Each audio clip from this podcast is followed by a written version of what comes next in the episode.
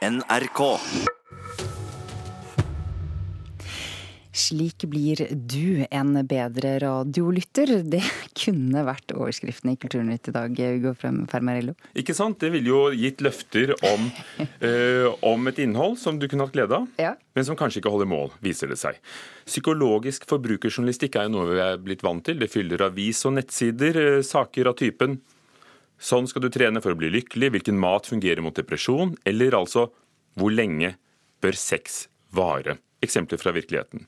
Disse sakene er altså en vare som ikke lever opp til eh, det de lover, mener psykolog Frode Tuen.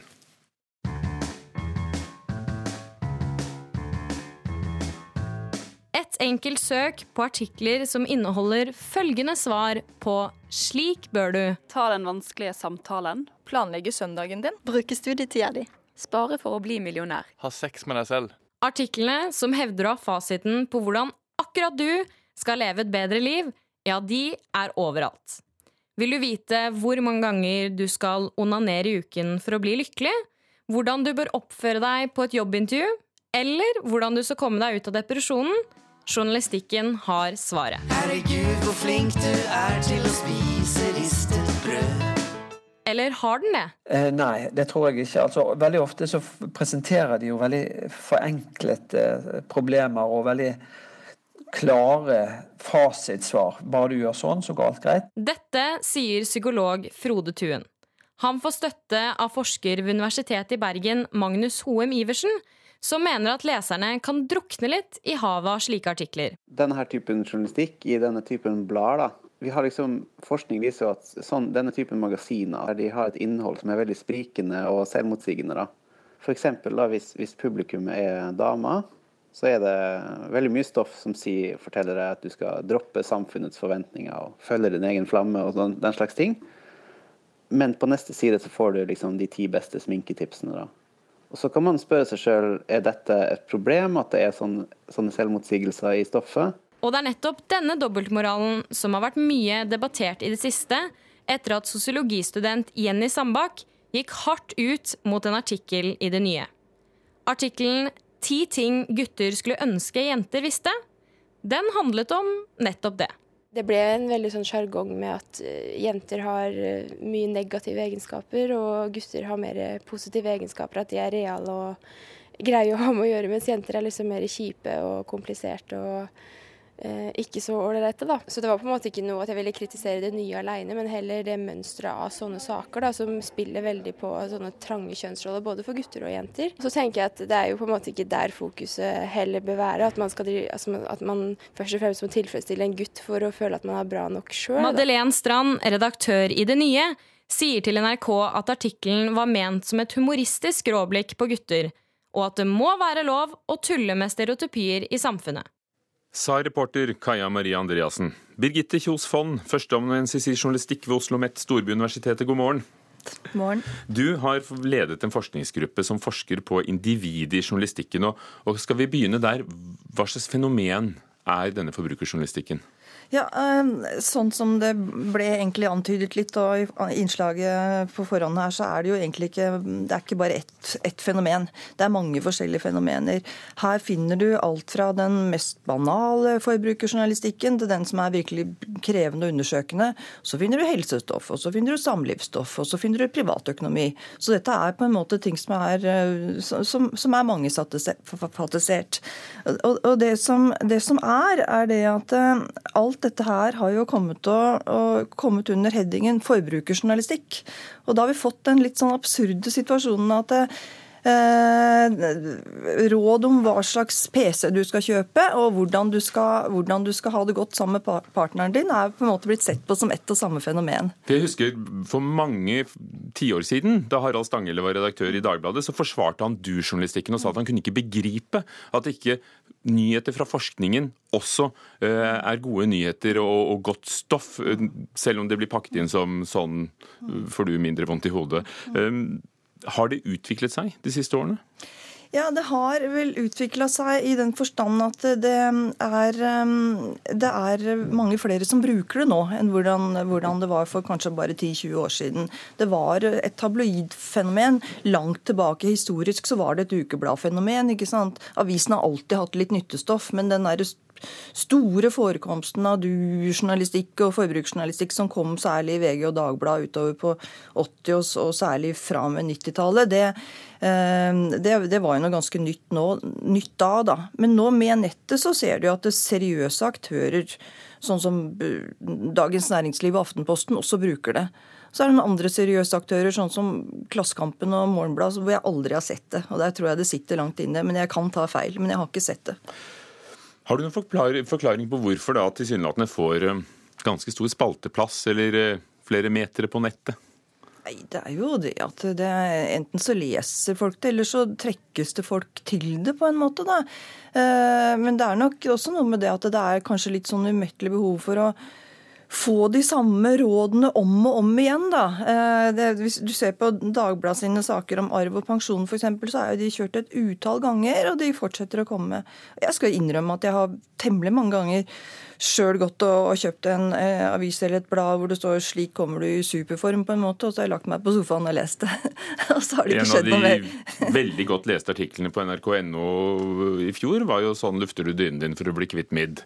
Ja, um, vi trenger kanskje veiledning. Eh, hvem er det som satser? Er det alle? på denne typen journalistikk? Altså, jeg har ikke noe tall på det, men jeg vil tro de aller fleste uh, leser sånne saker hvis de først er inne på en nettavis. I hvert fall hvis de slipper å betale for det. Det tror jeg er noe som mange setter som en forutsetning. Men, uh, men hvis vi ser på målgruppa, så er det ganske stor forskjell på Eller så er det faktisk ikke hvem som helst som, som denne journalistikken er retta mot. Uh, den er ofte retta mot folk som oppfattes som litt sånn normalen i samfunnet. Eh, altså, Sextipsene er som regel for heterofile. Eh, pensjonsrådene er jo ikke for folk er blitt gamle, fordi at da er det jo for seint. Og, og veldig mye annet også, hvor du ser at eh, etniske og religiøse minoriteter er jo ikke en del av det, det, det som man henvender seg til i det hele tatt. Da. Hadde Stanghelle, da han var Dagbladet-redaktør, rett i at på det beste er dette god forskningsjournalistikk? Ja, det tror jeg han hadde rett i. På det beste er det god forskningsjournalistikk. Og på det dårligste så er det kanskje, som Tuen også antyder, ting som vi ikke har så veldig mye nytte av, men som kan gi litt mestringsfølelse der og da, da i beste fall. Takk skal du ha. Birgitte Kjos Fonn, førsteamanuensis i journalistikk ved Oslo OsloMet. Hel ved het den, og slo an som en farsott både i Norge og utlandet, boken til Lars Mytting om ved, bål og alt som handlet om, øh, om det vi brenner. Men mesteparten av tiden er Lars Mytting romanforfatter, og nå er han ute med roman nummer fire med tittelen 'Søsterklokkene'. Marta Norheim, litteraturkritiker i NRK, hva skjuler seg bak 'Søsterklokkene'? Veldig mye, først og fremst. Vi skal til eh, Gudbrandsdalen på 1880-tallet. Ei stavkirke med noen legendariske klokker som er gitt av en bonde for mange hundre år siden, etter at hans siamesiske tvillinger døde. De var berømte vevere i bygda, så ga han disse klokkene. De har en vidunderlig klang. Så kommer det da på 1880-tallet en prest som vil snu litt om på sakene. Han sier denne kirka er altfor liten. Eh, den må eh, flyttes. Han får noen kjøpere i Tyskland og eh, vil da selge den, få penger, bygge ny, flott kirke. Sånt gjør du liksom ikke uten at det blir trøbbel. Særlig en stavkirke, da. Det høres ut som Mytting, bare på det du har sagt, favner over ganske mye. Han favner over ganske mye. Over flere hundre år og over mange ulike handlingsplan. Han viste allerede i 'Svøm dem som drukner' fra 2014 at han mestra veldig godt å flette ganske intrikate eh, handlingstråder inn i hverandre. Eh, det gjør han eh, også her. Og, og, det som gjør mest inntrykk, kanskje nettopp der hvordan han viser at det er ting som har skjedd for veldig lenge siden, er levende realiteter i denne bygda den dag i dag, altså da i 1880. På godt og vondt. Hmm. Er det en god bok? Jeg syns det er ei veldig god bok, ikke minst uh, av to grunner. Altså, uh, Han kan stoffet, han kan tida, han kan disse segnene. Han kan eh, teknikker med flugefiske, han kan hvordan du støyper klokker. Vev? ja, det er ikke så mye ved i denne boka, her, men det kan han jo også. Vevnad? Vevnad, ja. Jeg syns hun sa ved. Det var i en bok. Eh, så han har, han har veldig sånn eh, eh, taktil kunnskap om eh, de tingene han skriver om. Og så er han ikke redd for sterke farger. Altså, han lager noen veldige melodrama. Og melodrama er jo ikke lenger et skjellsord eh, i litteraturen. Jeg mener, Etter Herbjørg Wassmos eh, Tora-trilogi så er melodrama en, en, ting du kan bruke hvis du bare i samme slengen greier å lage komplekse figurer historier og gode historier, så, så kan melodramaet være med. Det går litt i spinn for ham på slutten, det må jeg nok si. Men, eh, men eh, alt i alt så er dette her en eh, lesefryd. Og så er det jo ikke slutten helt, fordi 'Søsterklokkene' er bebudet som første del av en trilogi. Ja, eller iallfall så skal det komme en oppfølger. og... Og det blir jo spennende å følge med. hva, hva ønsker du deg da? Jeg ønsker jo først og fremst at han skal holde høgden eh, fra eh, bok nummer én. 'Søsterklokkene' av Lars Mytting. Takk skal du ha, Marta Norheim. Fra neste år kan et 14 meter høyt selvlysende tre sees i Oslo. Det er investor Stein Erik Hagen som i fjor kjøpte treet på ørkenfestivalen Burning Man i USA, og nå er det kommet seks forslag til steder hvor treet kan stå i hovedstaden, skriver Dagens Næringsliv. Blant annet Kontraskjæret, Vippetangen, Langkaia foran Operaen eller i Sofienbergparken, som Hagen selv synes er en god idé. Tre er laget av kunstneren Alexander Green og, og, firmaet Symmetry Labs. Men nå skal det testes for om det tåler norske værforhold, for det har det vært litt spørsmål om. og Derfor blir det ikke noe treplanting i, i Norge før neste år. I helgen åpnet Galleri K i Oslo også, utstilling med nye verk av kunstneren Svein Bolling. Mona Palle Bjerke, kunstkritiker her i NRK. Svein Bolling er et kjent navn gjennom mange år i norsk kunst, men hva er han kjent for? Ja, han er kjent for disse gåtefulle, drømske bildene. Det er pasteller og oljemalerier, eh, hvor han har liksom en litt sånn mørk, romantisk, figurativ stil i en dempet jordtonekoloritt. Han er kanskje særlig kjent for hundebilder, men tidligere har han også vært opptatt å skildre byen som en klangbunn for stemninger og følelser. Tittelen er 'Nye pasteller', del tre faktisk, eller på fransk 'Par trois'. Eh, men hva viser de? Ja, Det er jo da nye pasteller, dvs. Si fra 2016 til 2018. Og det som er litt interessant med disse bildene, er at han denne gangen henter, har liksom et veldig asiatisk tilsnitt. Han henter inspirasjon fra japansk tresnitt, da i særdeleshet kunstneren Kitagawa Otamaro, Men også eh, inspirasjon fra postimpresjonistene, også impresjonistene på, fra overgangen til 1800- til 1900-tallet, som eh, Degas eller Toulouse-Lautrec eller James McNeil Whistler. En, eh, et bilde som fascinerte meg, var en stor elvebåt av den typen som går på scenen. Det er da en, det gløder av dette gylne lyset som kommer ut av vinduet, som danner en sånn vakker kontrast til det blå skumringsmørket og det dunkle elvevannet. Og inne på elvebredden så er det to nakne kvinner eh, som bader. Så det er ordentlig romantisk og pittoresk, dette her. Vil det vekke disse assosiasjonene til en svunnen tid, selv om vi ikke kjenner eh, alle navnene fra kunsthistorien, som du? Ja, absolutt. Så dette er liksom mer sånn visuelle referanser, en sånn følelses...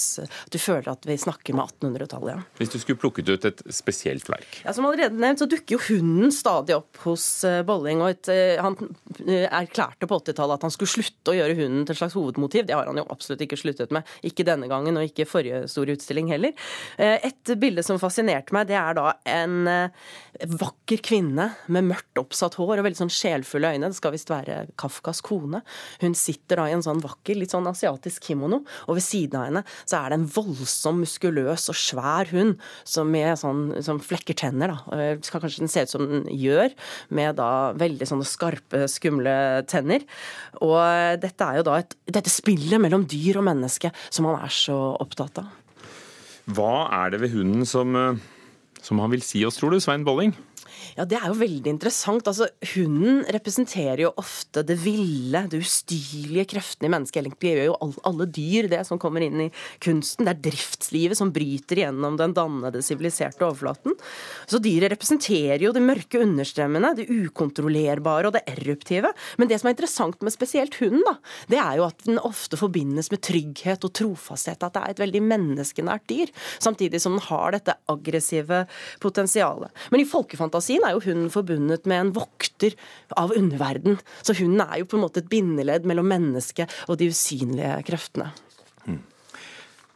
Er det en god utstilling? Svein Bolling, nye pasteller? Altså, det er jo en interessant kunstner. Det er en ganske ujevn kunstner. Jeg syns han vipper mellom det helt virtuose. Han er jo håndverksmessig veldig god, men også da nesten kan eh, vippe inn i noe litt sånn platt og kitschete. Så han er en ujevn kunstner, men på sitt beste så klarer han virkelig å skildre følelsen av ensomhet og vemod og til og med ømhet. Og han er jo selvfølgelig ikke noe cutting edge, han er ikke noe avantgarde-skikkelse på den norske kunstscenen. Han er tilbakeskuende, men vi trenger også noen som kan favne historien, og som forholder seg aktivt til fortidens billedvirkelighet.